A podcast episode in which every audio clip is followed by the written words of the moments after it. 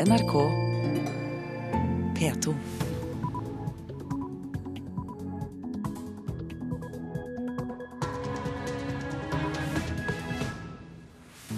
God morgen, klokka er 6.30. Du hører på Nyhetsmorgen med Anne Gjertlund Hansen i studio, og dette er hovedsakene våre den neste halvtimen.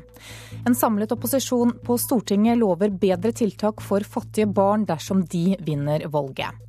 I Tyrkia truer myndighetene med å sette inn hæren for å få kontroll over demonstrantene. Og i helgen konfirmerte Hege Elisabeth Øren seg i en alder av 59 år. Når det var over, så var det akkurat som alt bare sank ned. Og jeg satt bare i uh, første rad når jeg måtte sette meg igjen og bare, bare var sånn, sånn som vi ser på Sportsrevyen. Sånn jublende yes, yes, yes. Alt hadde falt på plass. Hun er ikke den eneste som konfirmerer seg i godt voksen alder, ifølge kirken.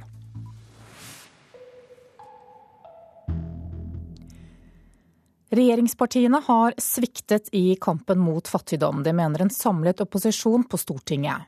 I dag stemmer de rød-grønne regjeringspartiene ned 14 forslag fra opposisjonen om tiltak for fattige barn til om fattige barn. Saksordfører Kari Henriksen fra Arbeiderpartiet mener nemlig at regjeringen allerede er godt i gang med arbeidet. Fakta er at denne regjeringa har gjort veldig mye og holder på med veldig mye av det som opposisjonen her foreslår. Kamp mot fattigdom var ei av SVs fanesaker da partiet gikk inn i regjering i 2005. I regjeringsgrunnlaget fra Soria Moria da sto det at regjeringen vil legge fram en helhetlig plan for avskaffelse av fattigdom. Det har slett ikke slått til, sier Kristelig Folkepartis Laila Dåvøy. Nei, Når vi ser på tallene og definisjonene, så har vi jo fått mye flere fattige barn i Norge nå enn vi hadde for en del år tilbake. Opposisjonen vil ha mer frivillige organisasjoner, mer til psykisk helsevern, mer skolehelsetjeneste og gratis barnehage for visse innvandrerbarn, mellom annet. Men Kari Henriksen er ikke imponert. Så det at når de fremstiller dette som å være et kraftfullt virkemiddel, så tenker jeg at dette er en del av forslag som både Arbeiderpartiet og denne regjeringa har iverksatt, holder på å iverksette og jobber videre med. Da kunne vel regjeringspartiene like godt ha røysta for opposisjonens framlegg, sier Høyres Sylvi Graham. Men det betyr at de da bør ta sjansen på å stemme for alle de forslagene vi nå fremmer i samlet opposisjon. Det blir kraftigere politikk for de fattige med ei ny regjering, sier Graham. Det blir det bare, rett og slett. Det kan dere bl.a. se av vårt eh, alternative revidert budsjett som kommer nå denne uken. Der vi har satt 70 eh, millioner kroner eh, bare nå, i 2013, til dette området. Også Fremskrittspartiets Robert Eriksson stadfester ny offensiv for fattige dersom opposisjonspartiene vinner valget til høsten. Vi ser at det er altfor mange barn som faller utenfor dagligdagse aktiviteter. Derfor så må det løftes og få et bedre samspill med frivilligheten. Og Venstres Borghild Tenden garanterer. Ja, det, det, kan jeg garantere. 100 eh, For opposisjonspartiene har stått sammen nå med en rekke forslag, eh, så det kan jeg garantere. Men Arbeiderpartiets Kari Henriksen slår tilbake. Det viktigste er å få folk i jobb, sier hun. Det er det aller viktigste. Og så har vi at det er noen eh, familier som har spesielt store utfordringer. Det er bl.a. eneforsørgere. Og Der kutter altså Høyre og Fremskrittspartiet på stønaden til enslige forsørgere. Og Henriksen har mer på hjertet. Det er litt paradoksalt at opposisjonen samstemt også går for kontantstøtten, som vi også vet er en fattigdomsfelle for en del familier. Og Samtidig så går de altså inn for en økonomisk politikk som ikke vi vet hvor bærer hen i det hele tatt. Men Laila Dåvøy holder på sitt. Det trengs sterkere innsats for de fattige enn det de rød-grønne har prestert de siste åtte åra, sier hun. Jeg var på Røde Kors eh, for et par uker siden, og de kan bare gi tilbud om ferie til halvparten av de som søker. Og, og det er veldig trist når mange barn lever i familier der de rett og slett ikke har råd til å ta seg ferie, for de har ikke penger. Og Kari Henriksen møter Laila Dove i Politisk kvarter klokka kvart på åtte, og reporter her det var Bjørn Bø. Denne våren har tusenvis av tenåringer over hele landet konfirmert seg. Men i helgen så ble det holdt en nokså uvanlig konfirmasjon i Oslo. Hege Elisabeth Øren konfirmerte seg nemlig i en alder av 59 år. Og Øren var lettet og glad da hun var ferdig med seremonien. Jeg var så bløt inni meg, og jeg satt og skalv. Og eh, når eh, Anne Pettersen og min venninne Agnes Haugård hadde håndspåleggelse på meg, så hadde jeg sikkert en hjertefrekvens på 250. Men når det var over, så var det akkurat som alt bare sank ned. Og jeg satt bare i uh, første rad når jeg måtte sette meg igjen, og bare, bare var sånn, sånn som vi ser på Sportsrevyen. Sånn jublende yes, yes, yes. Alt hadde falt på plass. Kirkeklokker ringer inn til gudstjeneste i Nidarosdomen i Trondheim. Her, som i kirker i resten av landet, har konfirmanter i hvite kapper nylig gått inn for å konfirmere seg. Men av årets 40 000 konfirmanter er nok Hege Elisabeth Øren den eneste som snart nærmer seg pensjonsalderen. 59-åringen ble nemlig nektet av sin ateistiske far å konfirmere seg da hun var tenåring. Min far var ateist. Eh, han eh, nektet meg å bli konfirmert. Eh, han meldte hele familien ut av statskirken når det gikk som en sånn farsott i Dagbladet eller VG på 60-tallet. Og det bildet har jeg enda så sterkt for meg. Jeg sto inne på stuegulvet og sa pappa, nå skal jeg konfirmeres. Og så svarte han meg ja, men har du lest Bibelen da? Har jeg fortalt deg om Gud? Nå er Øren glad for endelig å ha tatt valget om å konfirmere seg. Jeg tror nok det er en eh, stille og langsom prosess som har vokst frem over tid. Og grunnen til at jeg gjør denne ytre manifestasjonen og handlingen som da en konfirmasjon er, er fordi at jeg vil eh, befeste det i den ytre verden. Det skal ikke bare være noe jeg går og bærer inni meg. Det skal være også en glede som jeg deler med fellesskapet. Sogneprest i Voksen kirke i Oslo, Anne Pettersen, har hatt ansvaret for trosundervisningen av den 59 år gamle konfirmanten. Hun tror også det kan bli flere seniorkonfirmanter i framtida. Jeg tenkte i løpet av den prosessen at dette kanskje kunne være noe som det ble litt mer av nå etter hvert. For det er jo ganske mange etter hvert som av ulike grunner ikke har valgt å konfirmere seg. Eh, og som kanskje senere i livet kunne tenke seg, akkurat som Hege nå sier, å ha en sånn litt ytre markering av at ja, jeg ønsker å markere litt, at jeg ønsker å tilhøre Kirken og ønsker, har en tro på Gud og, eh, og ønsker å bli bedt for i fellesskapet. Og reportere her, det var Haldor Asvald og Kjartan Rørslett. Paul Erik Virkenes, avdelingsdirektør i Kirkerådet med ansvar for meningsutvikling, velkommen. Takk skal du ha. Er du enig i at dette kan være noe for flere? Ja, altså det, det gjør jo inntrykk å høre på henne. Og hennes fortelling om både historien sin og hva dette betyr for henne. Fra Sverige så kjenner vi at den svenske kirken har opplegg som ligner på dette. Med vei til tro. Og for de fleste som følger det opplegget, så er man både døpt og konfirmert fra før. Men for en del så fører det også fram til dåp for de som ikke er døpt, og til konfirmasjon for de som er døpt og ikke konfirmert. Så det er en interessant tanke, og det som er interessant i det, det er å lage gode opplegg som gjør at voksne får noen steder for å snakke om tro og liv. Men hvor vanlig er det med godt voksne konfirmanter her i Norge? Nei, Det er veldig uvanlig. Jeg har hørt om det før, så vi vet det skjer nå og da. Men det er ikke noen eh, prosent eller promille på statistikken. Men, men det er helt sånn uh, ukjent er det ikke, men, men, det er veldig sjelden. Vi hørte jo eh, Ørens historie her, men hva kan være grunnen til at godt voksne mennesker velger å konfirmere seg? Det kan være flere, flere grunner. Det kan være en historie som hun fortalte. Det kan være at det var en fase av livet med mye sykdom, mye flytting. Det kan være at det var en tid av livet med mye opprør, eh, som man rett og slett ikke ville. Og så kommer man på andre tanker når man er 20-30-40-50 år, og, og, får et behov for å uttrykke eh, troen sin på en synlig måte. Hvor viktig er det for troende da å få være med på et slikt rituale? Altså jeg tror at ritualer for både barn, unge og voksne er ganske viktig, fordi det setter ens eget liv inn i en større sammenheng. Så man føler man går inn i noe som er større enn en sjøl. Eh, og det har stor betydning for menneskers liv. Denne 59 år gamle konfirmanten som vi hørte i innslaget, forteller jo om en far som tok et valg for hele familien ved å melde dem ut av statskirken. Hvordan ser du da på muligheten for at flere i hennes situasjon tar et eget valg, sånn som vi snakket om å vende tilbake til kirken i, i voksen alder? At det blir en slags tendens eh, fremover? Altså det er jo noe vi heldigvis opplever langt oftere enn at de blir konfirmert. Og, tro eh, møter oss på ulike faser av livet, og vi stiller ulike spørsmål til livet og til tro i ulike faser. Og jeg tenker at det å skape steder hvor vi kan føres inn i disse tankene og disse erfaringene knytta til tro, Gud, kirke, for mennesker i ulike aldre, er, er god strategi for kirka og viktig for enkeltmennesker. Takk for at du kom i studio, avdelingsdirektør Paul Erik Virgenes i Kirkerådet.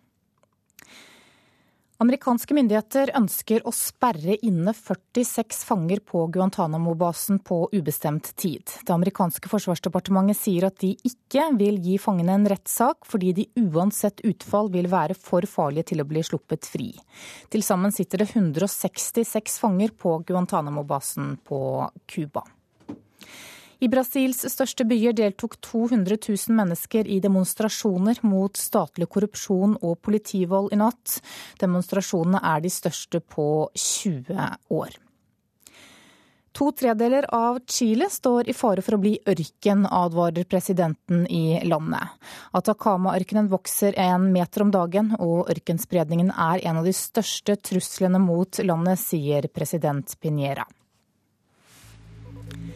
Skal vi se hva avisene skriver på forsidene sine i dag.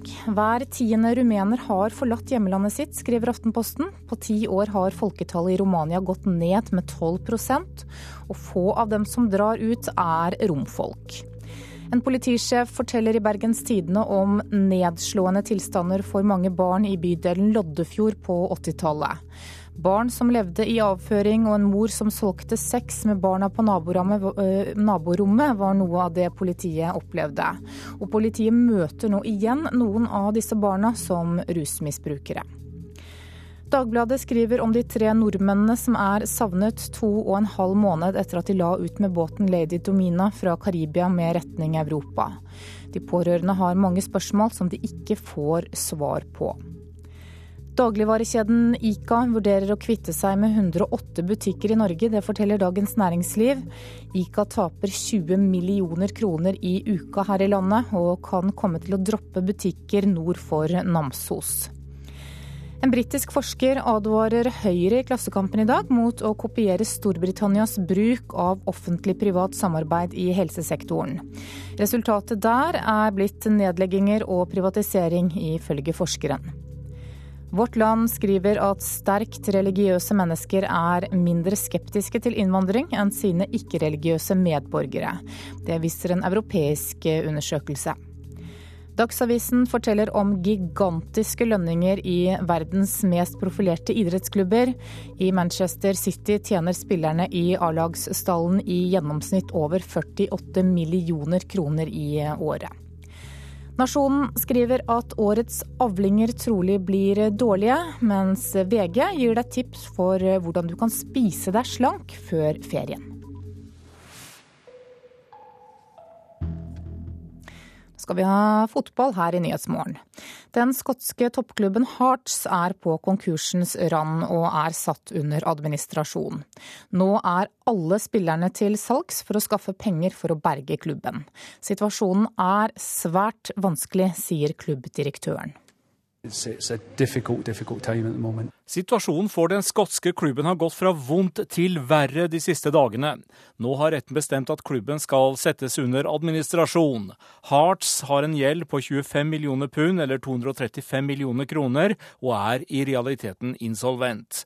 Klubben har ikke betalt skatt, og det er dårlig med penger i kassen, og nå trues eh, laget av nedleggelse.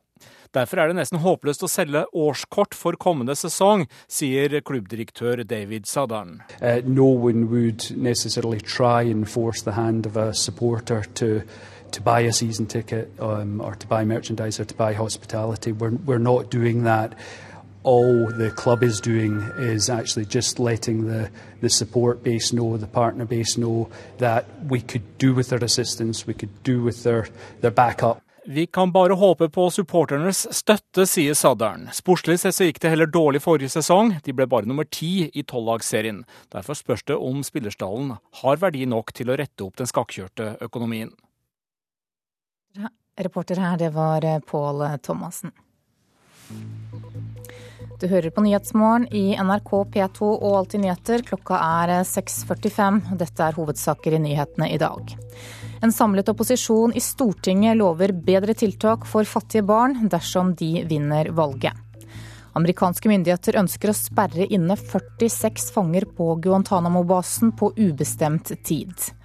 Og Fremskrittspartiet i Tromsø vurderer å trekke seg fra samarbeidet med Høyre dersom kommunen inngår en samarbeidsavtale med Sametinget.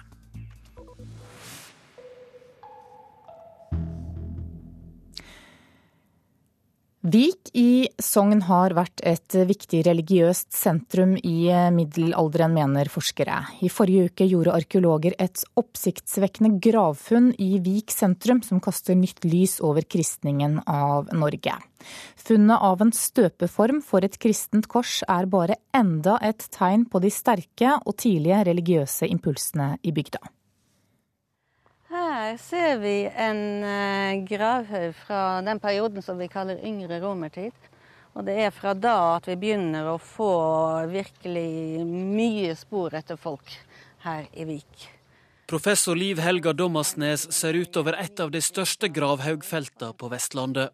Ni mektige hauger ligger framme på kanten av en elveterrasse et stykke inne i Vikjabygda.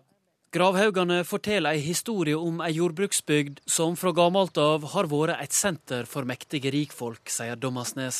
Det var jo for det første en mektig investering, og for det andre så var det en, på en måte å ta kontroll over bygda. Du kan tenke deg at når byggearbeidene foregikk mer eller mindre kontinuerlig i et hundre år. Da satte de sitt preg på bygda. Alle som bodde der nede så opp på hva som foregikk. Det var altså eliten som fikk reist gravhaugene på Hove i perioden 200 til 400 etter Kristus. Rikfolka slo rot i bygda, og i de neste tusen åra skulle de komme til å reise flere mektige monument over kristendommen.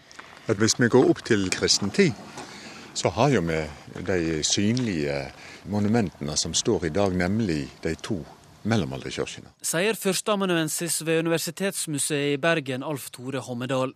Fra der han står ved gravhaugene, kan han mot sør se steinkirka på Hove og vestibygda stavkirka på Hopperstad. Begge bygde på 1100-tallet. Vik er den eneste bygda i Norge, bortsett fra Gran på Hadeland, som har bevart to mellomalderkirker. Hove steinkirke var den første i sitt slag i Sogn. Forskerne tror det var en rik hovding som bygde gudshuset i fint tilhogget kleberstein. Det forteller noe om økonomiske muligheter og rett og slett et maktsymbol der òg. Hun er i et nytt byggemateriale. Og ikke minst den håndverksmessige kvaliteten på de arbeidene som er gjort. Det gjør at Hovekirka, sånn som hun ligger nå, hun er faktisk eh, viser tilbake til det ypperste av håndverk ifra norsk høgmellomalder. De to mellomalderkirkene i Vik har i snart 900 år ruva som monument over et kristent kraftsentrum. I forrige uke gjorde arkeologer et nytt funn i sentrum av bygda, som òg kan bli et viktig symbol for kristninga ikke bare av Vik, men av Norge. I ei heidens grav grov arkeologene fram et vevlodd i kleberstein. Der var det rissa inn en kross. Et uvanlig tegn på tidlig kristning som kan få innvirkning på hvordan historia blir skreven, sa arkeolog og prosjektleder Alf Inge Aastveit i forrige uke. Det er jo ingen tvil om at dette funnet kommer til å ja, Det kommer til å bli brukt i argumentasjonen for uh, Eller i diskusjonen rundt tidlig kristning av Norge. Da, At det finnes akkurat her i Vik, er jo er jo spesielt. Da, da det er jo rik bygd helt siden eldre jernalder og frem til vikingtid. Og så vidt altså etter kristningen òg, med alle kirkene her. og sånn. Så det er, jo, det er jo en del i de lange tidslinjene her. Åstveit mener at krossen har blitt brukt til å støype kristne symbol. Det har gjort fagfolka oppglødde. En av dem er Liv Helga Dommersnes. Jeg syns det er veldig interessant. Det er veldig spennende at vi faktisk har funnet et kristent symbol i en, det som etter alt å dømme har vært en, et hedensk gravanlegg. Og hvis de hadde behov for å støpe kristne kors i stort opplag, da må jo det igjen bety at eh, det var flere kristne omkring, og at kristne aktiviteter var såpass vel organiserte at de hadde bruk for en skal vi kalle det, jevn tilgang på kristne symboler. For å sette det litt på spissen. Kanskje de hadde en liten menighet. Funnet av krossen, som kan være fra før år 900, forteller om sterke kristne impulser i Vik lenge før Norge ble omvendt til kristendommen. Mange viker som har vært med på vikingferder, må ha fått kunnskap om den nye religionen, som de har tatt med tilbake, mener professor Dommasnes. Vi har vitnemål om at de har reist veldig mye. Nede på Hopperstad har vi masse importsaker i gravene. Det har vi også litt av her. Importsaker fra tredje århundre, fjerde århundre. Kommer du ned dit, så får du importsaker fra åttende, niende århundre. Og så går du et hundreår eller to til, så plutselig så kommer kirkene opp her. Så her har skjedd mye. Og reporter i Vik, det var Noralf Pedersen. Forsvarsbygg kan starte bygging av tre nye prosjekter på Håkonsvern til en verdi av 843 millioner kroner. Det vedtok Stortinget sent i går kveld. De tre prosjektene består av nye lokaler til Luftforsvarets helikopterbase, nytt administrasjonsbygg og flerbrukshaller til Marinejegerkommandoen og nytt administrasjonsbygg for Forsvarets logistikkorganisasjon. Byggingen starter i november i år. Et nytt ungdomskor fra Hedmark vekker oppsikt. Bare to år etter at koret ble etablert, har det vunnet gull i både NM og World Choir Games i eh, USA. Hemmeligheten er å trene som idrettsutøvere, sier dirigenten. Og nå håper de på gull i EM for kor i Østerrike. De varmer opp til EM i korsang. Ungdomskoret Defrost her i et konsertopptak fra Hamar domkirke i forrige uke har på rekordtid gått fra ingenting til å vinne gull både i NM og i den internasjonale korkonkurransen World Choir Games i USA. Det var utrolig stor framgang over egentlig ganske kort tid. Sier en av kordeltakerne, 20 år gamle Helene Francisca Netka. Det er en kombinasjon av, av selvfølgelig det sangernes talent, og at vi har tid nok til å forvalte det talentet og jobbe med det sier dirigenten Thomas Cappelin, som var med å starte ungdomskoret på Hedmarken for to år siden. Det var vel egentlig at vi ville gi talentfull ungdom muligheten til å synge i et bra kor under kyndig veiledning.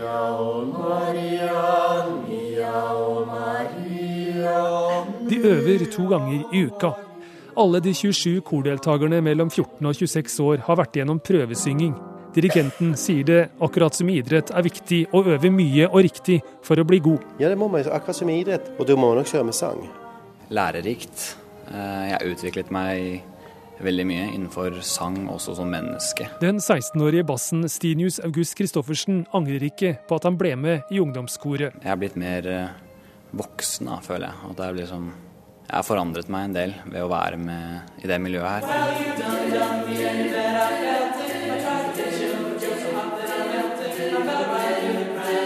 De Frost synger ulike sjangere, både poprock og klassiske stykker. Thomas Cappelin mener De Frost har vist at det nytter å skape et topp ungdomskor i Norge. Det er Framfor alt at alt er mulig, eh, og at man skal eh, tro på ungdommene og gi dem en mulighet. Det er jo et, eh, et veldig flott uh, ungdomskor. Rune Bergman i Norges Korforbund sier det er viktig for rekrutteringa i Kor-Norge at det kommer nye dyktige ungdomskor som De Frost. Så Det er jo helt nødvendig for Kor-Norge at barn og ungdom synger. Jeg tror nok at Norge har et langt større potensial til å utvikle nye ungdomskor av den typen der. Ja, De går foran som gode eksempler på hvordan man kan gjøre dette. Så det er vi veldig glad for. I juli reiser de til det aller første europamesterskapet i korsang i Graz i Østerrike. Målet er som vanlig og ta gull. Det er igjen å forsøke å få gull og holde oss på et gullnivå og vise at vi opprettholder det høye internasjonale nivået. reporter her, det var Stein S. Eide. Fremskrittspartiet i Tromsø vurderer å trekke seg fra samarbeidet med Høyre dersom kommunen inngår en samarbeidsavtale med Sametinget enten i dag eller i morgen. Mens Språkrådet vil lære av prosessen for å unngå bråk ved lignende avtaler andre steder i landet, så krangles det fortsatt i Tromsø. Nå har vi muligheten til å, å, inngå en avtale som eh, i all hovedsak er en formalisering av det som allerede gjøres. Men eh, det er en veldig viktig symbolverdi i, eh, i, det vi nå gjør. Det er snart to år siden vi gikk til valg, og vi gikk til valg på at vi skulle trekke den avtalen med Sametinget som Arbeiderpartiet og SV hadde fått utarbeidet. Det gjorde at vi vant valget. Spesielt Høyre fikk mange stemmer på bakgrunn av at de hadde sagt de skulle trekke avtalen. Da er det ikke slik at man knapt to år etterpå legger fram en ny avtale med Sametinget. Da har man lurt folk, da har man svikta folk, og man har ført folk bak lyset. Ordfører i Tromsø Jens Johan Hjort og gruppeleder for Fremskrittspartiet i Tromsø Jan Blomseth er vanligvis samarbeidspartnere. Men samarbeidsavtalen mellom Sametinget og kommunen splitter de borgerlige.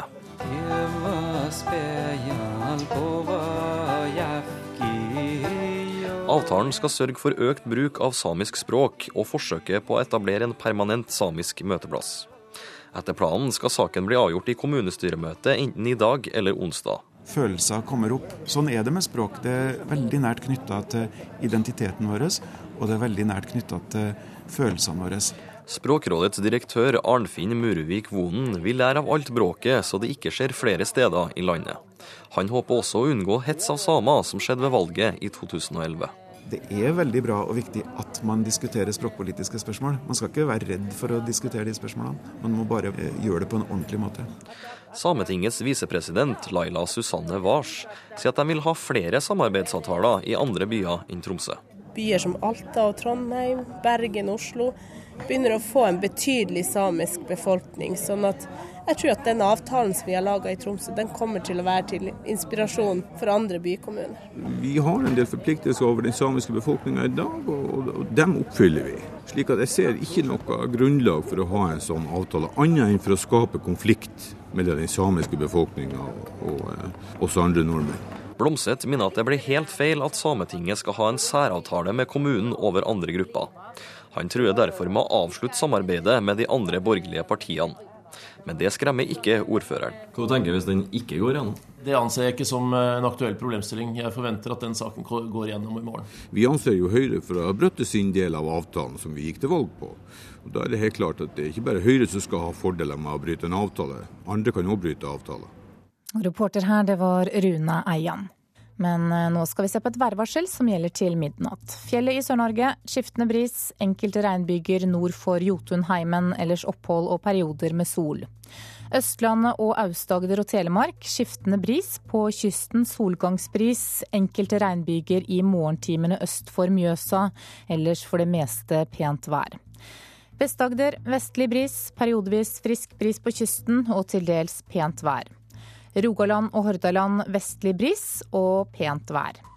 Sogn og Fjordane sørlig bris, i kveld frisk bris på kysten. Enkelte regnbyger i Nordfjord tidlig på dagen, ellers opphold og perioder med sol. Møre og Romsdal og Trøndelag skiftende bris, på kysten sørvestlig bris. Enkelte regnbyger fra i ettermiddag opphold og perioder med sol. Nordland bris omkring vest, av og til frisk bris. Enkelte regnbyger, fra i kveld skiftende bris og delvis skyet oppholdsvær. Troms skiftende bris og enkelte regnbyger. Kyst- og fjordstrøkene i Vest-Finnmark, der er det ventet skiftende bris i dag. Litt regn i fjordstrøkene, ellers opphold og perioder med sol. Finnmarksvidda østlig bris og litt regn, fra i ettermiddag skiftende bris. Delvis skyet og oppholdsvær. Øst-Finnmark østlig frisk bris, opphold og perioder med sol. Og på Nordensjøland på Spitsbergen er det ventet sør-vestlig frisk bris utsatte steder i dag, og litt eh, regn. Så tar vi med temperaturene som ble målt klokka fem. Da hadde Svalbard lufthavn tre grader, Kirkenes seks, Vardø sju, Alta ni, Tromsø, Langnes og Bodø åtte. Brønnøysund 7, Trondheim-Værnes 8, Molde 10, Bergen-Flesland 8, Stavanger 9, Kristiansand-Kjevik og Gardermoen hadde 10, Lillehammer 11, Røros 5 og Oslo-Blindern der var det 11 grader da klokka var fem i dag morges. Når det gjelder temperaturutsiktene utover dagen, så kan vi fortelle at det er ventet uendret temperatur i Nord-Norge. Ellers i landet så blir det litt stigende temperatur utover dagen i dag.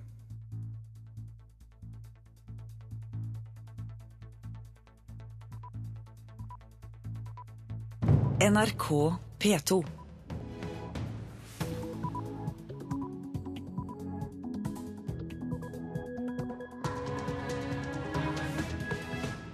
Klokka er sju. Du lytter til Nyhetsmorgen med Anne Jetlund Hansen i studio. Her er en nyhetsoppdatering.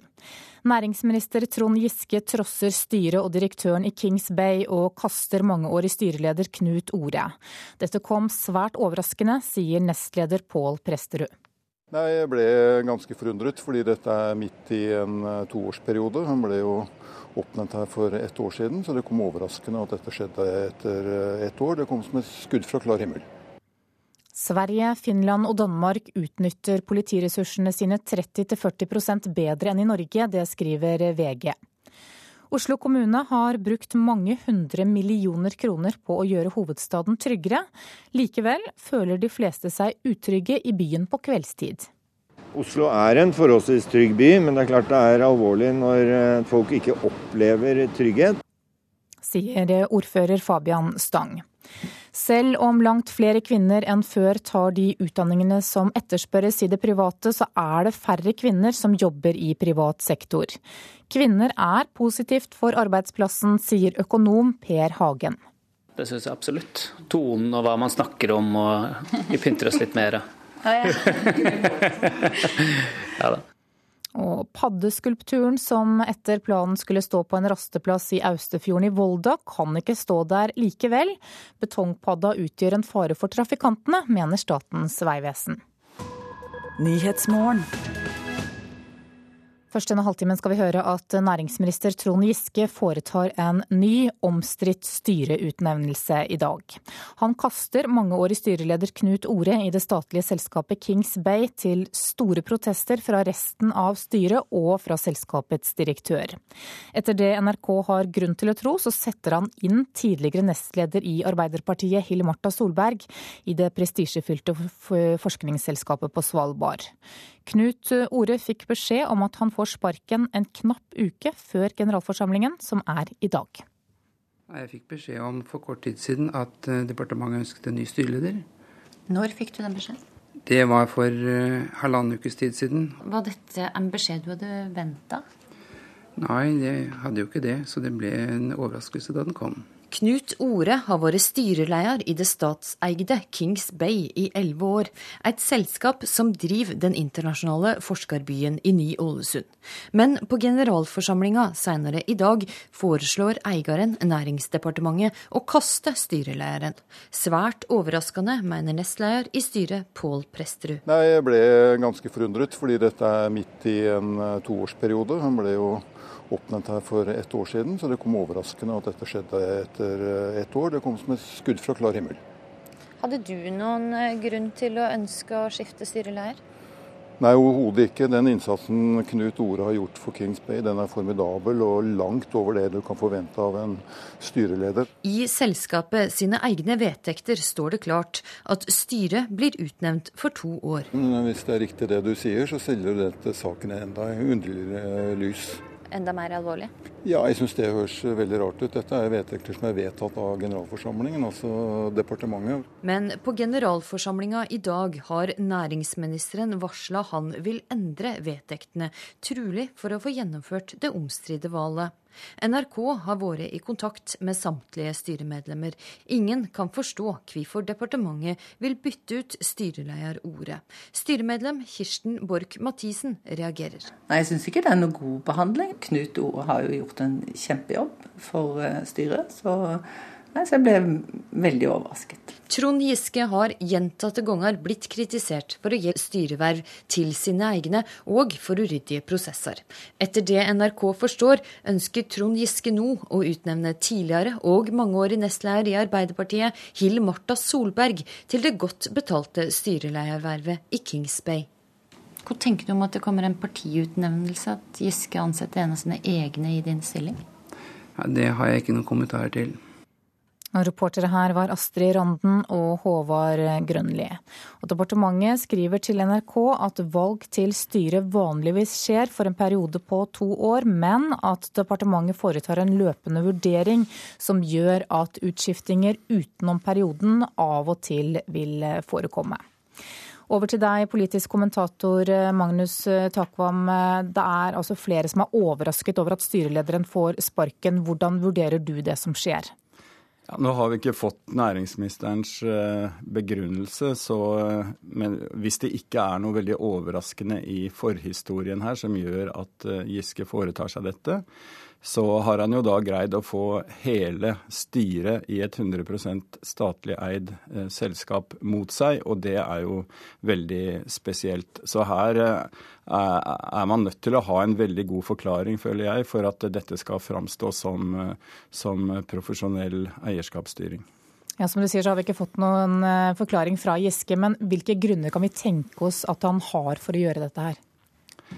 Det vi har fått eh, høre, er at uh, departementet og Giske da ser på dette selskapet, som jo har ansvaret for forskningsvirksomhet på Ny-Ålesund og uh, klimaforskning, og det er stor internasjonal deltakelse der oppe i den forbindelse. Altså at dette er da blitt et område som krever mer politisk eh, styring eller kompetanse i styret enn det som er tilfellet eh, til nå. Og Derfor setter man da tydeligvis inn en eh, ekspolitiker i, i styreledelsen. Men de jeg har snakket med i styret om dette, sier at de heller ikke forstår denne begrunnelsen. Knut Ore har selv vært med å bygge opp dette, og de har til nå ikke hørt noen antydninger om at det ikke er uh, godt nok grep. Og særlig når uh, man da velger å gjøre dette midt i en valgperiode. Da kunne man f.eks. ha gjort det for, for, et år siden, eller ventet et år. Hvilke konsekvenser kan det få at han gjør det i et valgår? Nei, nå får vi som sagt høre hva Giske sier selv om dette etter hvert. Eh, jeg tror det som er eh, mest betent for omdømmet til eh, Giske, er dette med å gi sine egne verv. Det å være en aktiv eier og, og ha vilje til styring er, er, helt OK for en aktiv arbeiderpartipolitiker, men det er nettopp denne biten med nettverk og, og Eh, forfordeling av, av eh, partifolk som er betent for Arbeiderpartiet. Takk for at du kom i studio, politisk kommentator her i NRK, Magnus Takvam. Politiet mangler organisering og ledelse, ikke ressurser, ifølge en ny rapport. Rapporten fra Politianalyseutvalget viser at bare 13 av landets 354 tjenestesteder har åpent døgnet rundt hele året. Den over 300 sider lange rapporten tegner et bilde av et norsk politi som er stengt, fraværende og kostbart, skriver VG. Utvalget, som både har politidirektør Odd Reidar Humlegård og PST-sjef Benedicte Bjørnland som medlemmer, kommer til å foreslå et kraftig kutt i antall politidistrikter, fra dagens 27 til kanskje bare 6. Slik skal hvert enkelt politidistrikt bli langt større og mer slagkraftig. Utvalget vil også fjerne sivile oppgaver fra politiet. I dag jobber bare 5000 av 11 500 politiansatte med ordinære politioppgaver. Resten jobber med administrasjon og sivile saker. Justis- og beredskapsminister Grete Farmo nedsatte utvalget i kjølvannet av 22. juli-kommisjonens knusende kritikk av norsk politi. Reporter her var Arild Svalbjørg. I løpet av de siste årene så har Oslo kommune brukt mange hundre millioner kroner på å gjøre hovedstaden tryggere. Likevel så føler over halvparten av befolkningen seg utrygge på Karl Johans gate på kveldstid. Det viser en undersøkelse NRK har gjort. Føler du deg trygg i Oslo sentrum? Ikke på nattestid. Ikke på kveldstid, nei. Det gjør jeg vel ikke. Og de er ikke alene om å føle seg utrygge i Oslo sentrum når mørket faller på. For ifølge en undersøkelse NRK har gjennomført, føler over halvparten av befolkningen seg utrygge i deler av byen på kveldstid. Og det er flere områder i hovedstaden et klart flertall opplever som ubehagelige. Nederste del av Karl Johan er stedet flest føler seg utrygge uansett tid på døgnet. Men mange av de spurte unngår også andre områder på kveldstid. Rundt Slottsparken og litt sånn forlatte gater, kanskje. Budurgata, Grønland-området. Det er der hvor jeg helst ikke går og i bunnen av Grünerløkka. Ordfører i Oslo, Høyres Fabian Stang, synes det er trist at såpass mange opplever hovedstaden som utrygg. Oslo er en forholdsvis trygg by, men det er klart det er alvorlig når eh, folk ikke opplever trygghet. Det er jo noen områder som peker seg ut, sånn som f.eks. nedre del av Karl Johan. Tenker du selv over at du ikke skal gå der? Nei, jeg prøver å, å gå i hele byen. For jo flere av oss med gode hensikter som er ute på de ulike arenaer, jo vanskeligere blir det for de kriminelle å overta områdene. Ifølge NRKs undersøkelse er det tre former for kriminalitet som folk er mest bekymret for alle tider av døgnet. Det er tyveri, grovt tyveri og ran.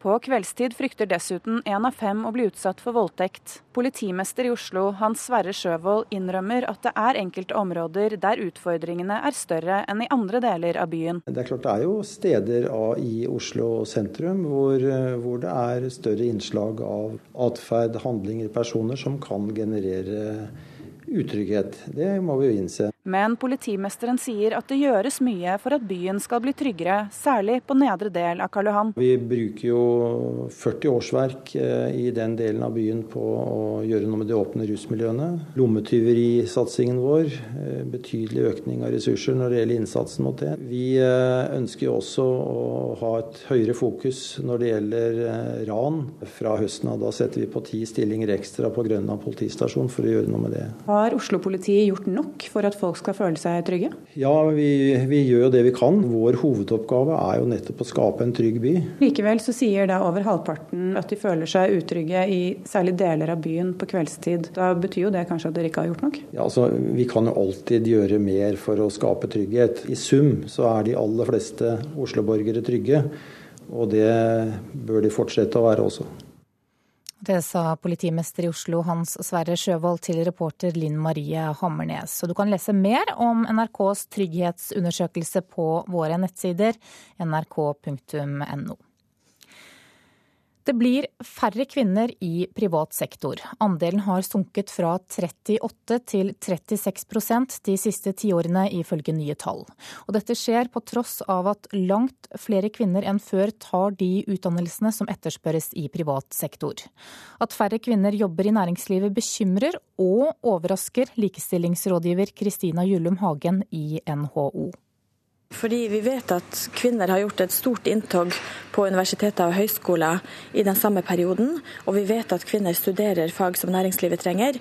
Og da hadde jeg både forventa og håpet å se at flere av de kvinnene fant eh, seg til rette i privat sektor. Tallene fra Sintef viser at andelen kvinner i privat sektor har sunket fra 38 til 36% siden 1991.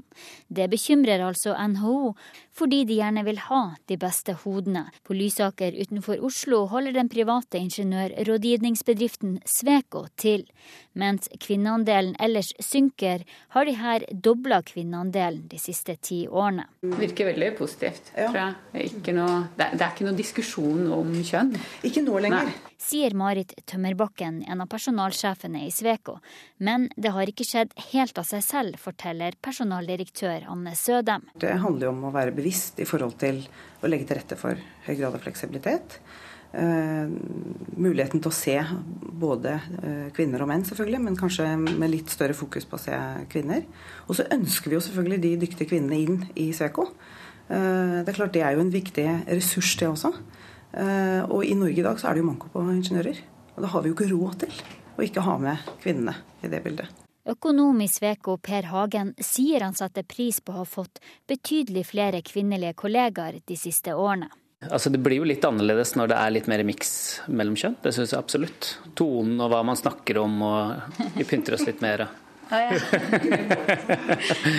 ja da. Og reporter her, det var Linda Reinholdsen.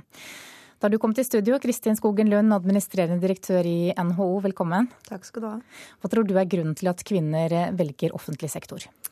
Ja, Vi liker ikke disse tallene, må starte med å si det. Eh, og vi har jo ofte forklart det med utdanningsvalg, men det er klart det burde etter hvert nå begynne å snu trenden i, motsatt, altså i positiv retning, og det ser vi at ikke det gjør. Eh, jeg tror nok fortsatt det henger igjen noen eh, forestillinger, kanskje, om at offentlig sektor er eh, tryggere Eh, mer familievennlig. Eh, det kan ha litt med sånne forestillinger å gjøre, men jeg mener jo da at ikke det er riktig. Så det er helt åpenbart at næringslivet har en stor jobb igjen å gjøre her, rett og slett. Jeg vil si at Mange kvinner forlater privat sektor til fordel for offentlig sektor når de stifter eh, familie. betyr det at det offentlige er flinkere til å legge til rette, eller? Eh, hvert fall at de klarer å, å gi et inntrykk av det. Eh, og jeg tror jo at mye av løsningen på dette her ligger i det vi i NHO har snakket mye om, nemlig det med deling av permisjon. Fordi vi ser jo at familien etablerer mønstre eh, når man får barn. Og hvis man klarer å få en mer likestilt fordeling der, så vil jo det også reflektere seg over i, i arbeidslivet siden. Men jeg må stresse at det er ingen grunn til at det skal være enklere å være småbarnsforeldre i offentlig enn i privat sektor, altså. Men hvorfor er det mange som tror det da? Jeg skulle så gjerne ønske at jeg hadde et enkelt svar på det, for da hadde vi gjort noe med det. Eh, jeg tror det henger litt igjen med, som sagt, med disse forestillingene, og kanskje at en del kvinner er veldig eh, opptatt av eh, mening i det de gjør, og at sant, utdanning, omsorg, den type tjenester i samfunnet vårt er levert av det offentlige, og er ofte da virksomhetsområder som kvinner søker seg til. Hvilke konsekvenser får det da at småbarnsmødrene forsvinner? Nei, altså Det er ikke positivt. fordi For det første så vet vi at etter hvert så er jo kvinnene faktisk enda bedre utdannet enn menn. Og i næringslivet så trenger vi jo alle de gode kreftene. Og det er ingen tvil om at vi går glipp av gode kvinner. Og det andre er jo at eh, stort sett så er det veldig, en veldig sunn ting for de aller fleste arbeidsplasser å ha et større mangfold og en jevn eh, kjønnsfordeling, da. Men jeg må få nevne én ting som faktisk er positivt i disse tallene, og det er at vi endelig ser at vi begynner å få flere kvinnelige ledere i privat sektor.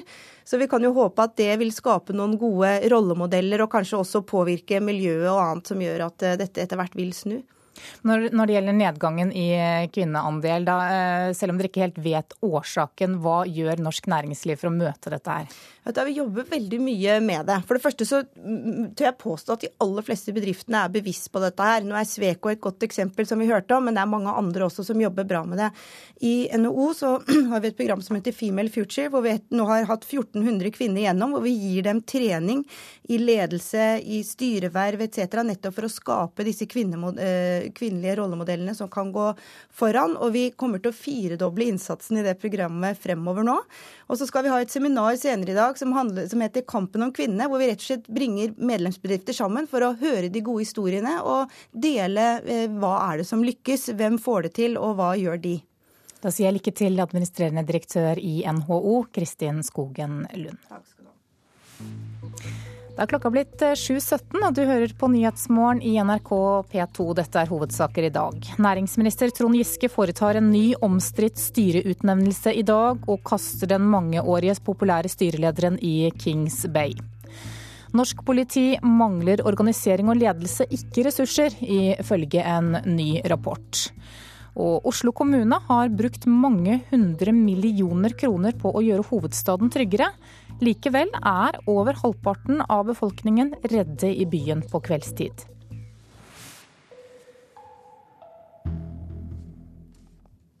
Skal vi utenriks. USA og Russland vil fortsette å arbeide for en internasjonal fredskonferanse for Syria.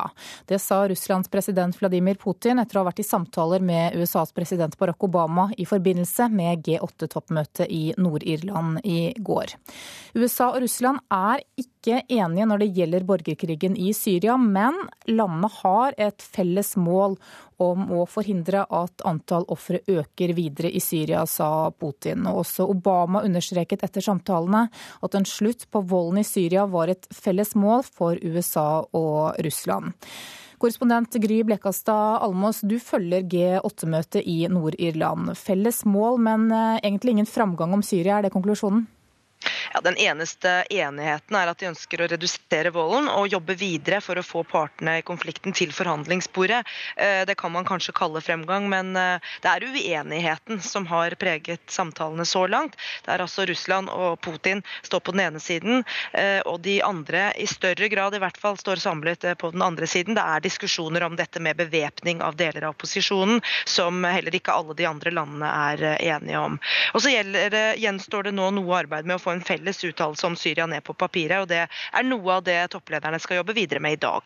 Ja, Hva står på programmet utover dagen? Ja, Foruten det jeg nevnte, så er internasjonal terrorisme et tema, og også skatteunndragelser. Eh, verten her, den britiske statsministeren David Cameron, ønsker å slå ned på selskaper som ikke betaler skatt der de tjener pengene sine. Eh, og han ønsker også mer åpenhet fra um, såkalte skatteparadiser. Eh, og dette glir også over i hvitvasking av penger, og dermed finansiering av terrororganisasjoner. Og sånn sett så henger disse temaene eh, litt sammen. Det er jo vanlig med demonstrasjoner i forbindelse med disse G8-møtene. Har det vært bråk i natt? Nei, dette her har gått uh, uventet uh, rolig for seg. Politiet har jo på forhånd uh, fryktet opp mot 20 000 demonstranter i den lille byen Enniskillen hvor disse G8-møtene holdes. det ble nedjustert i forkant av gårsdagens varslede demonstrasjon. men det var 700 demonstranter som kom til Enniskillen og demonstrerte i gatene der i går kveld. det gikk rolig for seg. Noen av dem forsøkte å komme gjennom politiets piggtrådsperringer relativt nær denne øya hvor topplederne eh, jobber. Eh, men de kom ikke veldig langt, for det var nye sperringer og nytt politi på innsiden av den første piggtråden, så, så det endte der. Takk skal du ha, korrespondent Gry Blekastad Almås. Og Obama, USAs president, eh, han fortsetter videre til Berlin i kveld, der han i morgen skal møte tyske ledere og holde en tale foran Brandenburger Tor.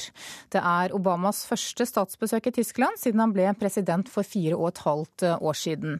Og reporter Arnt Stefansen i Berlin, du skal dekke Obamas besøk. Hvorfor har det tatt så lang tid før han kommer til denne europeiske stormakten Tyskland?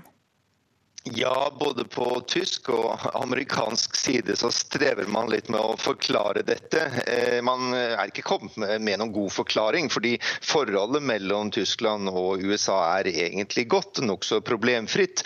Men forklaringen er jo ganske enkelt den at verden har forandret seg. Det er ikke lenger en kald krig i Europa. Og betydningen av forholdet mellom USA og, og Tyskland er blitt mindre. USA forflytter sin oppmerksomhet oppmerksomhet mot Asia, spesielt mot Kina, og legge mindre vekt på forholdet til Europa og til Tyskland. Hva er det ventet at det eh, skal komme ut av dette amerikanske statsbesøket?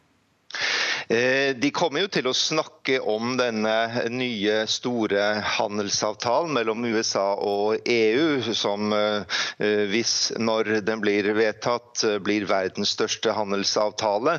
Det henger jo også nøye sammen med den økonomiske krisa på begge sider av Atlanteren, som også blir et, tema.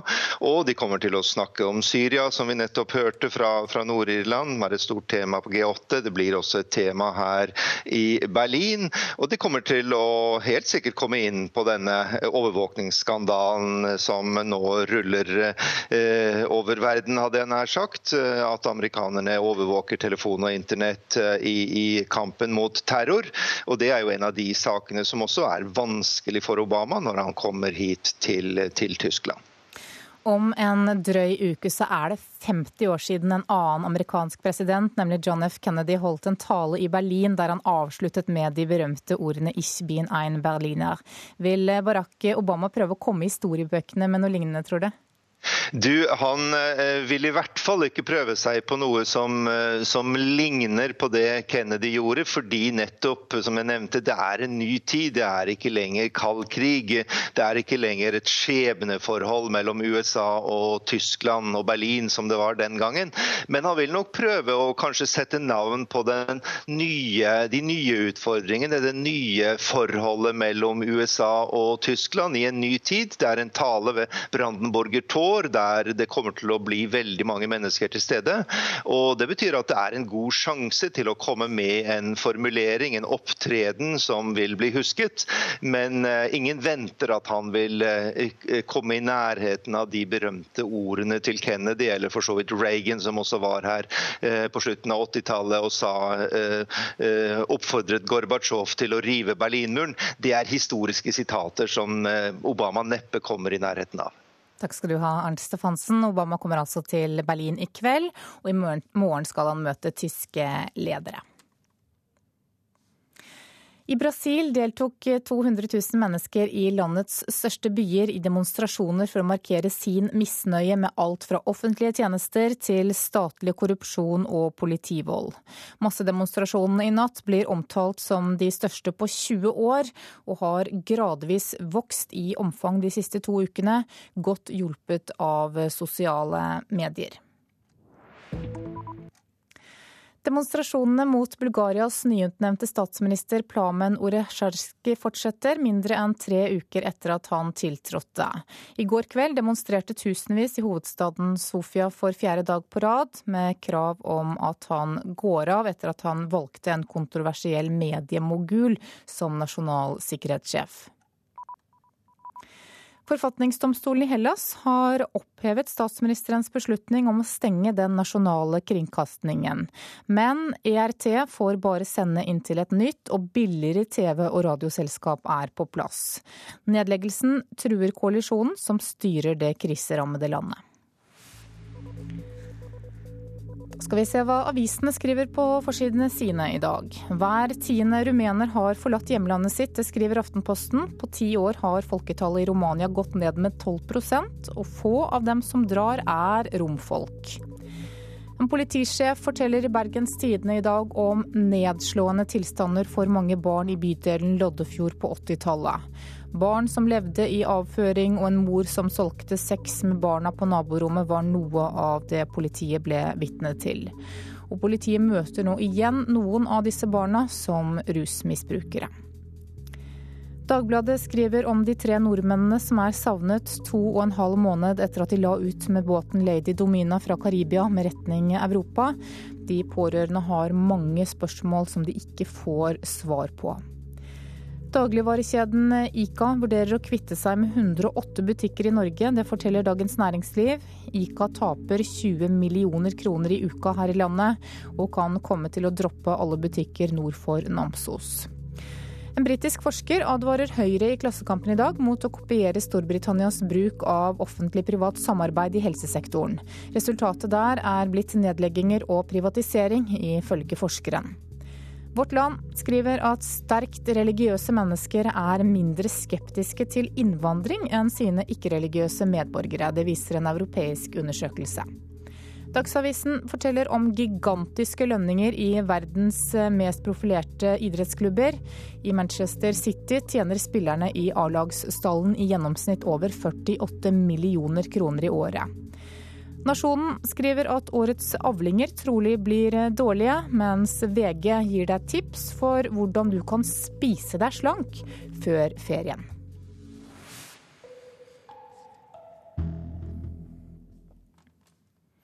Skulpturen av en padde som etter planen skulle stå på en rasteplass i Austefjorden i Volda, kan ikke stå der likevel.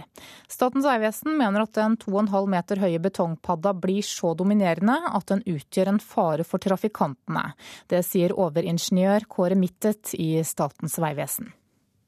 Du ser denne padda veldig godt fra hovedveien. Og det er jo slik at Når du ser noe som er stort og spennende, så er det naturlig at du da gjerne dreier rattet samme veien som du dreier øynene. Og du får da en fare for uh, møteulykke. Det lokale grendalaget har tatt initiativet både til rasteplass, informasjonstavler om paddene i området, og til den store paddeskulpturen. Betongpadda er tre ganger tre meter i flatemål og to og en halv meter høy. Paddebestanden ved Lisjevatnet i Austefjorden i Volda er den største som er dokumentert, både her i landet og i Skandinavia, og blant de største også i europeisk sammenheng. Grendalaget mener Vegvesenet hele tida har vært med dem, og er både overraska og skuffa over at de nå må endre planene. Overingeniør Kåre Mittet i Statens vegvesen vedgår at padda er større enn de først trodde. Det har gått opp for oss at eh, denne padda er så stor at hun vil bli eh, synlig fra E39. Eh, e og Det er jo rett ved tunnelmunninga, så vi frykter at du her kan feste øye på padda og komme over i feil kjørebane og krasje med motgående biler. Har De informert Grendalaget om dette? Vi har eh, snakka med initiativtakerne om at uh, dette her nå blir slik at uh, vi ikke kan tillate det, og de må prøve å finne en annen løsning. Det sa overingeniør Kåre Mittet i Statens vegvesen. Reporter her var Toril Øvrelid. Du lytter til Nyhetsmorgen. Klokka nærmer seg 7.30, og du skal få siste nytt ved Ragnhild Bjørge. I reportasjen etter Dagsnytt så kan du høre at det er 50 år siden et av de mest dramatiske døgnene i borgerrettighetskampen i USA. Produsent for Nyhetsmorgen i dag er Vidar Eidhammer, og her i studio Anne Jetlund Hansen.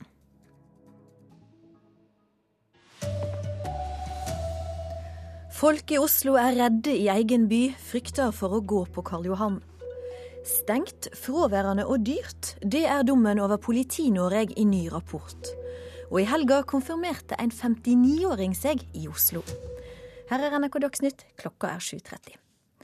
Oslo er ikke så trygg som vi kanskje liker å tro. De siste åra har kommunen brukt mange hundre millioner kroner på å gjøre hovedstaden tryggere. Likevel føler over halvparten av de som bor i Oslo seg utrygge noen steder i byen.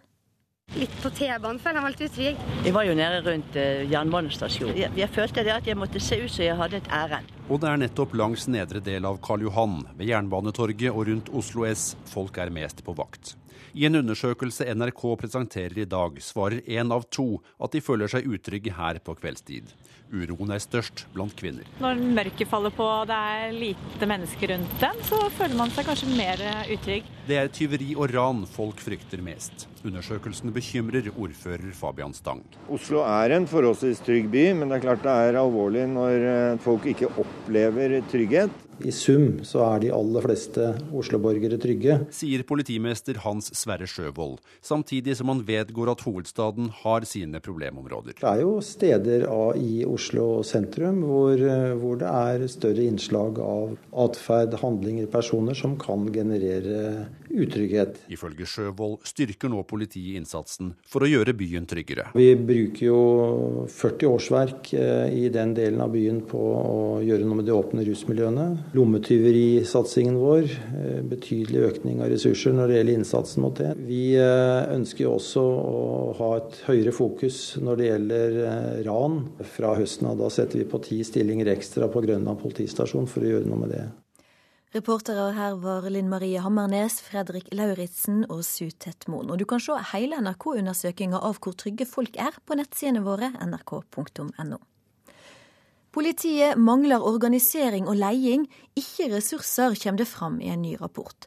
Rapporten fra Politianalyseutvalget viser at bare 13 av de 354 tjenestestedene her i landet har åpent døgnet rundt hele året. Den over 300 sider lange rapporten tegner et bilde av et norsk politi som er stengt, fraværende og kostbart, skriver VG. Utvalget, som både har politidirektør Odd Reidar Humlegård og PST-sjef Benedicte Bjørnland som medlemmer, kommer til å foreslå et kraftig kutt i antall politidistrikter, fra dagens 27 til kanskje bare 6. Slik skal hvert enkelt politidistrikt bli langt større og mer slagkraftig.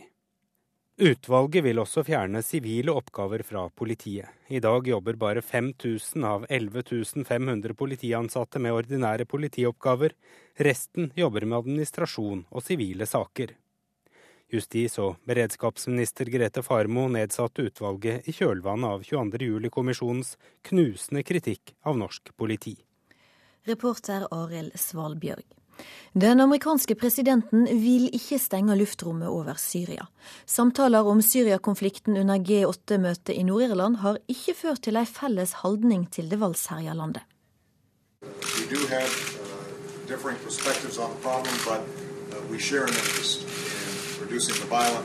Den amerikanske presidenten Barack Obama møtte sin russiske kollega Vladimir Putin i går kveld, men måtte innrømme at de var uenige.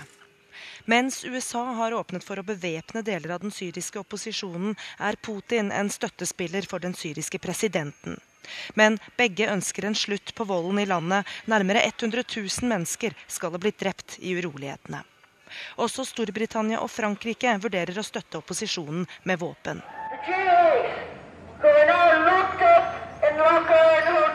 Under en demonstrasjon i G8-byen Enniskillen i Nord-Irland i går kveld protesterte folk mot en bevæpning av syrisk opposisjon. I think they're a complete waste of space. They shouldn't even be considering arming another shower of maniacs in the Middle East. I dag fortsetter verdens åtte mektigste land sine samtaler. Bl.a. står internasjonal terror på dagsorden. Gry Blekastad Almås, Belfast.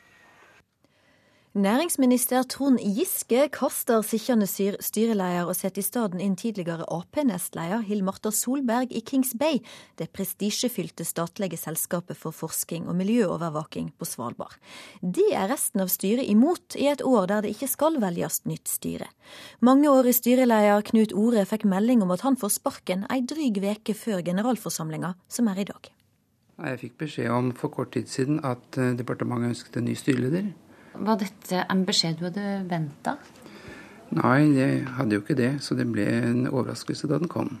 Knut Ore har vært styreleder i det statseide Kings Bay i elleve år, et selskap som driver den internasjonale forskerbyen i Ny-Ålesund. Men på generalforsamlinga senere i dag foreslår eieren, Næringsdepartementet, å kaste styrelederen. Nestleder i styret, Pål Presterud, reagerer. Nei, Jeg ble ganske forundret, fordi dette er midt i en eh, toårsperiode. Han ble jo oppnevnt her for ett år siden, så det kom overraskende at dette skjedde etter eh, ett år. Det kom som et skudd fra klar himmel. I selskapet sine vedtekter står det klart at styret blir utnevnt for to år. Men på generalforsamlinga seinere i dag har næringsministeren varsla han vil endre vedtektene. NRK har vært i kontakt med samtlige styremedlemmer. Ingen av dem forstår hvorfor departementet vil bytte ut styrelederen. Den innsatsen Knut Ore har gjort for Kings Bay, den er formidabel og langt over det du kan forvente av en styreleder. Trond Giske er tidligere blitt sterkt kritisert for å utnevne sine egne til viktige styreverv. Etter det NRK erfarer, setter han nå inn tidligere nestleder i Arbeiderpartiet, Hill Marta Solberg, i det godt betalte styret styreledervervet i Kings Bay. Hvor tenker du om at det kommer en partiutnevnelse, at Giske ansetter en av sine egne i din stilling? Ja, det har jeg ikke noen kommentarer til. Formelt er det ingenting i veien for å gjøre det Giske gjør i dag. Det sier Tore Bråten, professor i forretningsjuss ved Handelshøgskolen BI. Ja, det er eh, eierens privilegium å bestemme hvem som skal sitte i styret. Og eieren representeres jo i dette tilfellet statsråden. Departementet skriver til NRK at valgene til styrer vanligvis finner sted for en periode på to år, i samsvar med hovedregelen i aksjelova. Men at departementet også gjør en løpende vurdering av styret sitt arbeid, kompetanse og utfordringer, og at utskiftinger utenom perioden derfor vil forekomme. Reportere Astrid Randen, Håvard Grønli og Eivind Molde. Denne våren har tusenvis av tenåringer over hele landet konfirmert seg. Men i helga så ble det holdt en nokså uvanlig konfirmasjon i Oslo. Konfirmanten var nemlig 59 år gammel. Kirkeklokkene ringer inn til en gudstjeneste i Nidarosdomen i Trondheim. Her, som i resten av landet, har tenåringer i hvite kapper nylig gått inn for å konfirmere seg. Men av årets 40 000 konfirmanter er nok Hege Elisabeth Øren den eneste som snart nærmer seg pensjonsalderen. 59-åringen konfirmerte seg i helgen i Voksen kirke i Oslo. Vet du hva, Jeg var så bløt inni meg, og jeg satt og skalv. Og eh, når eh, Anne Pettersen og min venninne Agnes Haugård hadde håndspåleggelse på meg, så hadde jeg sikkert en hjertefrekvens på 250. Jeg har hørt om det, men dette omfanget er ikke stort. Men det er allikevel sånn at vi har hørt om det. Sier prest og avdelingsdirektør i Kirkerådet, Paul Erik Virgenes. Men den der bevegelsen i at eh, voksne mennesker går gjennom troen sin og gjør andre tanker, andre valg, som voksne enn de gjorde som unge, det ser vi jo i mange sammenhenger. Reportere var Haldor Asvald og Kjartan Rørslett. Så sport. Svært mange doper seg i sykkelsporten på 90-tallet. 95% av alle nederlandske proffer brukte bloddoping, viser ei undersøking. Sykkelekspert i TV 2, Mats Kaggestad, han syns tallene er høye. Jeg er helt enig med at det er sjokkerende tall. På den annen side så jeg er ikke overraska. Altså. De tallet og, og begynnelsen av 2000-tallet vet vi var, en, eh, var veldig prega av eh, doping. Så å si alle nederlandske sykkelproffer dopet seg med EPO på slutten av 90-tallet, før testene kom. Det viser denne undersøkelsen, utført av eh, Den olympiske komiteen og Sykkelforbundet i Nederland. Sannsynligheten er stor for at tallene hos andre sykkelnasjoner er like høye. Uten EPO var var man sjanseløs, særlig i tunge bakker. Jeg tror at du var fullstendig sjanseløs i kuperte ritt, i hvert fall. TV 2-eksperten tror sykkelsporten er mye renere nå. Ja, tror det var starta i 1903, og, og, det var ikke noe fokus på antidopingarbeid. Noe skikkelig ja, fokus på det før begynte i 1967, og så ble det for alvor tatt opp kamp mot doping i 1998 i en del nasjoner. Eh, og så har det sakte, men sikkert gått i riktig retning. Reporter var Pål Thomassen.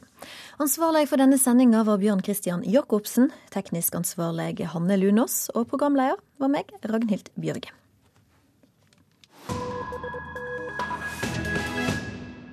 Klokka er 7.40 og Nyhetsmorgen fortsetter. Det er 50 år siden et av de mest dramatiske døgnene i borgerrettighetskampen i USA. Sommeren 1963 kulminerte i marsjen mot Washington og Martin Luther Kings Jeg har en drøm-tale. Men det startet i Alabama med to svarte studenter og en guvernør som sto fast, bokstavelig talt, for å hindre dem i å komme inn på universitetet. The University of Alabama campus at Tuscaloosa is under a tight security guard of state police as Governor George Wallace appeals for calm and prepares to confront a deputy U.S. attorney. The federal officers are armed with a proclamation from President Kennedy urging the governor to end his efforts to prevent two Negro students from registering at the university. Datoen er 11. juni 1963. Det er varmt og fuktig i universitetsbyen Tascaloosa i Alabama, over 35 grader. Stemningen er svært spent. Omringet av flere hundre delstatspoliti står guvernør George Wallace og sperrer inngangen til auditoriet der sommerstudentene skal registrere seg. Han har tenkt å stå ved valgløftet han ga noen måneder tidligere segregation tomorrow and segregation forever. Alabama er den siste amerikanske delstaten som opprettholder raseskillet mellom hvite og svarte i skolene. Men segregeringen står for fall.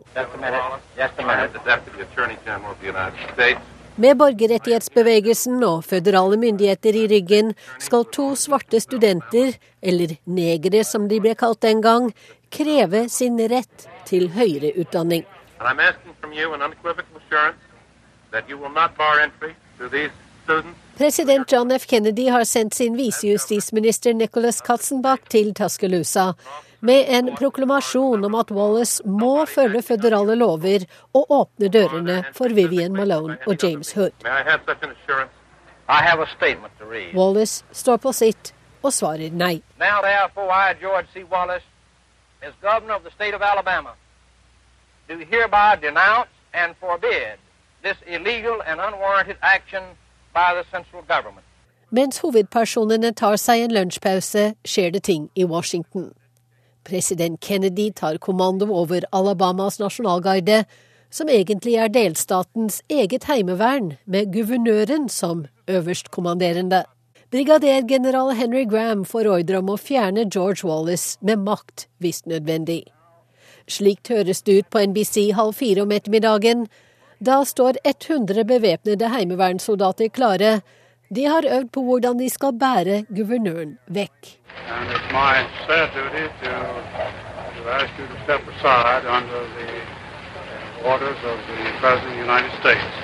Det er min triste plikt å be deg gå til siden slik USAs president har gitt ordre om, sier generalen. Under normale omstendigheter ville du ha fulgt mine ordre, svarer Wallace. This then is the moment when Governor George Wallace of Alabama walked away from the schoolhouse door. Five minutes after the governor leaves, James Hood is the first of his race to become a University of Alabama student. We are very uh, happy to James Hood og Vivian Malone gledet seg etterpå over at det hele løste seg uten vold, og at de endelig kunne ta fatt på studiene.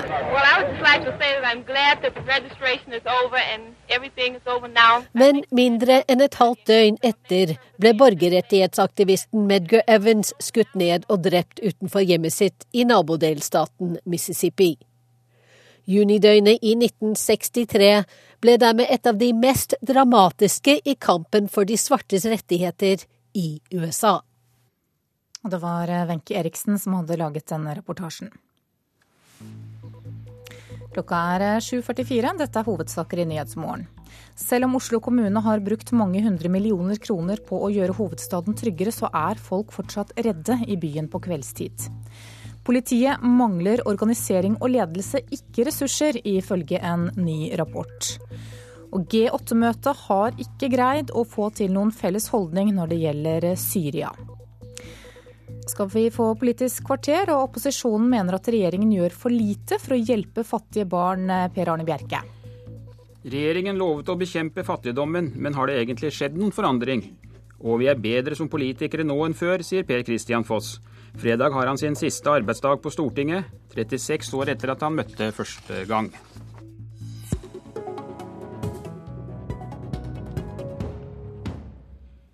I ettermiddag skal Stortinget behandle 14 ulike forslag fra opposisjonen om bekjempelse av fattigdom blant barn. Men som vi hørte i nyhetene tidligere i dag, ikke et eneste av disse forslagene vil dere støtte. Saksordfører Kari Henriksen fra Arbeiderpartiet, hvorfor ikke? Nei, Det er fordi at vi har allerede veldig mange tiltak knytta til fattige barn. Eh, og, men det er et viktig tema som løftes fram i saken.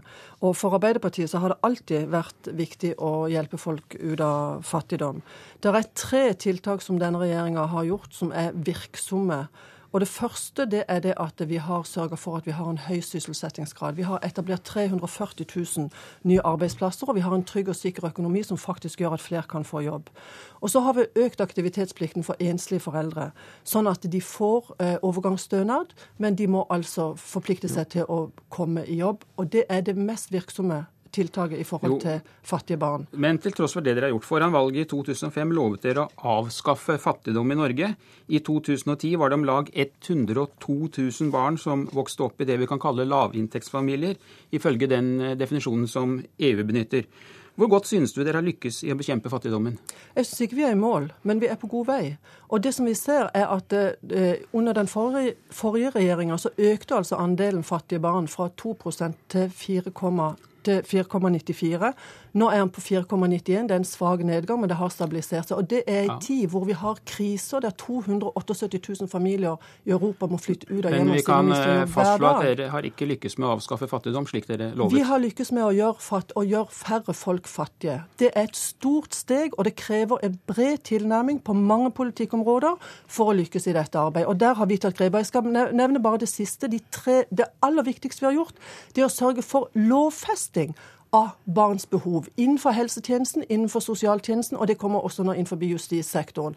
Og Det betyr at de barna som, har, som, er mest utsatt for å få negative konsekvenser av det å leve i lavinntektsfamilier, de har altså fått en lovfesta rett til å få sine behov vurdert. Laila Dovøy, sosialpolitisk talskvinne i Kristelig Folkeparti. Hvor godt synes du regjeringen har lykkes i å bekjempe fattigdommen?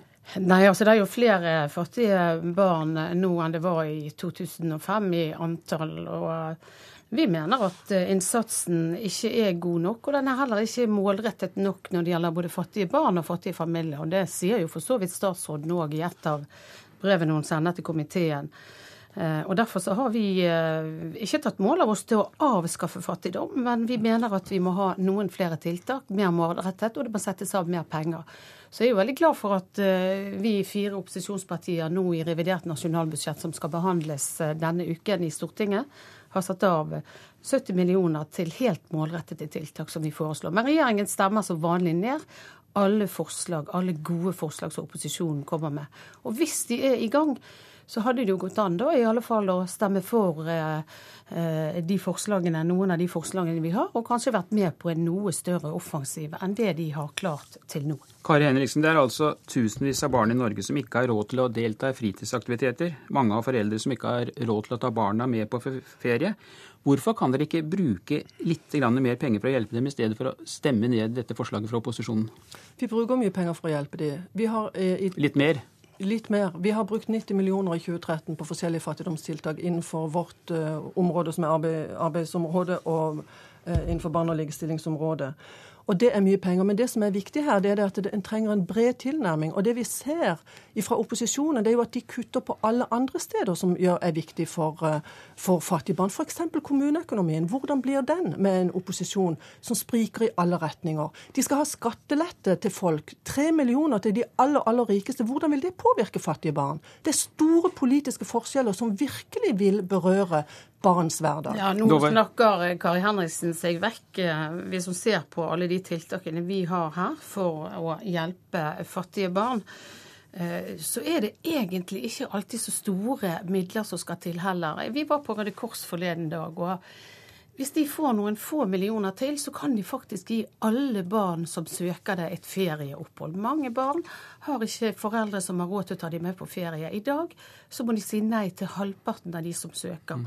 Og frivillige organisasjoner, hvis du gir mer til de, nettopp til målrettede tiltak for fattige familier og fattige barn, så får du altså mangfold igjen, fordi at de bruker frivillige Men, i innsatsen. Dove, nå, For åtte år siden så lovet da regjeringen å bekjempe fattigdom. Nå kommer dere med løfter om å få vekk fattigdommen. Hvorfor skal velgerne tro mer på at dere er i stand til å løse dette problemet enn det de rød-grønne partiene er? Vi sier veldig klart i dette forslaget at vi tar ikke mål av oss med disse tiltakene å avskaffe fattigdom, men vi ønsker å ha noen flere målrettede tiltak. Eh, når vi ser at barn ikke kan være med på idrett, de kan ikke være med på turer, de har ikke råd til å gå i fødselsdager. Og som sagt, disse forslagene er svært viktige. Og så har vi òg dette med eh, vi har jo hatt en, en opptrappingsplan for psykisk helse. Og det har vi tatt med som et eget punkt i denne planen. At vi må ha en egen opptrappingsplan for barn og unge. For de faller igjennom i dag. Hvis ikke du fanger barn og unge opp tidlig, så kommer de ut og kjører ganske tidlig i livet. Og dette er et av de ja. viktige et. Et uh, poeng som er viktig her, det er at uh, Fafo har vurdert overgangsstønaden til enslige foreldre som må være god og treffsikker. Så når opposisjonen etterlyser treffsikre virkemidler, så er det ganske forunderlig da at Høyre og Fremskrittspartiet faktisk er de som kutter i den overgangsstønaden. Og disse skal Kristelig Folkeparti samarbeide med. Jeg syns det er merkelig at Kristelig Folkeparti velger å samarbeide med partier jo, som faktisk på mange områder gjør det verre. Nå står de altså sammen om disse 14 forslagene? Ja, disse 14 forslagene. men fattig fattigdom. Og vi er enige om at fattigdomsbekjempelse krever brede tiltak. Det krever tiltak på veldig mange virkemidler. og Det er jo derfor også de fremmer forslag på tiltak som berører også andre saksfelt enn det som er i vår komité. Og det er viktig. Men når vi da ser på de viktige stolpene i velferdssamfunnet, så vil altså spesielt Høyre og Fremskrittspartiet kutte i veldig mange velferdsordninger. De vil ha mindre omfordeling. Det vil ikke være godt for disse barna. De vil ha mer skattelette til de som har mest fra før. Det vil ikke være godt for disse barna. Ja, nå diskuterer vi, Disse forslagene. Og jeg må si at jeg er etter åtte år så er jeg mektig lei av en flertallsregjering som ikke er villig til å se på noen av de gode forslagene som opposisjonspartiene kommer med. Det er så lite konstruktivt, og det er så ufattelig ufattelig negativt at man ikke i et storting i dag, i anno 2013, kan være litt mer samarbeidsvillig når man sitter og har et flertall i en regjering. Det kommer til å bli deres bane ved neste valg, tror og der, jeg. Der fikk du siste ordet, Laila Dove. Du er en av veteranene som nå forlater Stortinget. Og ved siden av deg sitter en annen veteran som fredag har sin siste arbeidsdag på Løvebakken. 36 år etter at han møtte første gang som vararepresentant. Per Kristian Foss, hvordan blir det å forlate Stortinget etter så mange år? Det blir vemodig når man nærmer seg tror jeg, oktober, hvor det endelig tar slutt. Akkurat nå har jeg ikke tid til å tenke på, tenke på det, men jeg tror nok den følelsen vil melde seg tvert. Skal man være ærlig, så er det litt, litt vemodig, men en gang må det gjøres, og nå gjøres det. Du kom altså inn som vararepresentant allerede i 1977, den gang du fortsatt var ung og lovende, og fikk fast plass fra 1981. Hvordan vil du si at rollen som stortingsrepresentant har endret seg i løpet av alle disse årene? Jeg tror det har blitt viktigere for en stortingsrepresentant å være tilgjengelig også utover Stortinget. Altså delta i den offentlige debatt, delta på seminarer, eh, være til stede i sitt valgdistrikt eh, på enten det er LO-møter eller andre møter, eh, altså i den offentlige debatten. Så sånn sett har Stortinget blitt et sted hvor det er lettere å også forlate til tider og, og jobbe utenom Stortinget som politiker. Og det syns jeg er et, eh, er et gode i for seg. For det, eh, er jo ikke bare å sitte i komiteer og jobbe internt, men det å jobbe, jobbe utad er eh, etter hvert blitt viktigere og viktigere. Har vi bedre eller dårligere politikere, hvis du skal forsøke å gi en noenlunde nøktern beskrivelse? Det går jo mange myter om Stortinget i gamle dager, og vi husker kanskje en to-tre navn hvis du skal bli kjørt, på, kjørt hardt på. Jeg mener faktisk at Stortinget i dag fungerer bedre politisk i vårt system enn det gjorde den, den gangen. Nettopp fordi vi er uh, mer tilgjengelig utad. Og, og presset fra media har jo blitt mye sterkere etter hvert Så media utvikler seg. Og er tilgjengelige nær døgnet rundt. Og det er jo et gode for den som vil kommunisere med utenverden. Du har erfaring som statsråd eh, fra en mindretallsregjering, og så er du i dag visepresident i Stortinget under en flertallsregjering. Hvor mye blir eh, Stortingets innflytelse svekket når eh, regjeringen har flertall? under mindretallsregjeringer så foregår jo forhandlingsprosessene mer åpent. For veldig åpne dører. Da så vi forhandlere gå inn og ut med store, tunge bunker og alvorlige miner. Nå foregår jo prosessene mer lukket, fordi at det er en prosess mellom regjeringspartiene på deres gruppemøter. Og der tror jeg nok det kan gå en kule hardt ganske ofte. Men den prosessen er ikke åpen på samme måte. Så man får et inntrykk av at Stortinget i dag er mer eh, satt til side eh, og ikke er så viktig som arena som det var før. Men jeg tror det er langt på vei en tilsynelatende inntrykk. Men jeg beklager at, at ofte velger regjeringen å presentere sine saker også utenom Stortinget, og ikke legge det frem for Stortinget sånn på, på, på vanlig måte. Så, så jeg er jo ganske opptatt av å beholde Stortinget som en viktig debattarena og en arena for eh, presentasjon av politikk. Er en flertallsregjering, uansett hvem som har flertallet, nødvendigvis en fordel for demokrati og folkestyre? Ikke uansett, men eh, sett fra en regjeringsleds side så er det helt klart at det er lettere å inngå kompromissene på kammerset i regjering eller med partigruppene på Stortinget på, på lukkede gruppemøter enn det er å gjøre det for åpen scene. Per Kristian Foss, du var i fire år finansminister og er eh, vel vant med å vokte pengebingen. Hvilke utfordringer står Høyre overfor dersom dere til høsten går i regjering med Fremskrittspartiet? Det er nok å overbevise eh, FrPs medlemmer om at eh, den samlede pengebruk er ganske viktig for, la oss kalle det, opphetet, hvor opphetet økonomien blir. Der er det nok litt, litt, litt ulike syn. På den annen side må vi samle oss om at, de, at oljepengebruken rettes inn mot tiltak som kan styrke næringslivet. Styrke økonomiens væremåte. Nå ser vi jo tendenser i økonomien allerede til at ting ikke går så bra. Eh, krisen i Europa når også oss. Og da er det viktig eh, å bruke pengene på en måte som styrker vår eh, vekstevne. Og da tenker jeg på samferdsel. Eh, skatt og avgifter, og jeg tenker på ikke minst utdanning og forskning. Du sto jo selv eh, fadder for denne handlingsregelen som saksordfører i Stortinget mens Jens Stoltenberg var eh, statsminister. Det var vel i 2001, så vidt jeg husker i farten. Og hvor stort handlingsrom har Høyre når det gjelder denne handlingsregelen? Erna Solberg har hele tiden understreket at vi er, vi er å stole på når det gjelder ansvarlighet i økonomien. Det har vi lang erfaring fra. Mye lenger tilbake enn handlingsregelen men handlingsregelen har fungert rimelig bra så lenge, den, eh, så lenge vi tilpasser pengebruken til, til, eh, til, heten i økonomien, eller til press i økonomien. Eh, og vi ligger, vi ligger jo noen ganger betydelig under 4% og vi lå i de årene hvor vi skulle skape vekst i økonomien, litt over 4 nettopp for å stimulere. Men akkurat nå tror jeg nok at måten vi bruker pengene på, er like viktig som hvor mye vi bruker. Hva foretrekker du, en Høyre-sentrumregjering eller en regjering mellom Høyre og Fremskrittspartiet? Jeg foretrekker en regjering hvor alle fire er med, slik at kompromissene kan uh, være lettere å få til. Fordi det skaper en ansvarlighet i seg selv å være med i en regjering for regjeringspartier. Det å sitte i Stortinget og være støtteparti uh, er på en måte en invitasjon til litt, til litt uansvarlighet og mye spill. Tror du da Frp blir ansvarliggjort når det gjelder pengebruk hvis de kommer inn i regjering? Er det det du sitter og sier? Det er mitt håp, iallfall. Eh, tør du slå av telefonen etter 9.9. september i tilfelle Erna Solberg skulle ringe deg? Eh, jeg har alltid hatt åpen, åpen telefon for, for, alle, og jeg, jeg kjenner Ernas nummer, så jeg ser hvem som ringer. Så det betyr med andre ord at du er klar for en eventuell statsrådspost selv om du forlater eh, Stortinget? Ja, hvis du skulle trenge noen, noen seniorer i regjeringen. Jeg håper også at Erna sørger for at det blir en foryngelse av regjeringen. I går så utnevnte kunnskapsminister eh, Kristin Halvorsen deg til ny styreleder ved NTNU. Hvilke andre oppgaver kan du bruke din restarbeidsevne på, hvis du nå ikke skulle bli statsråd?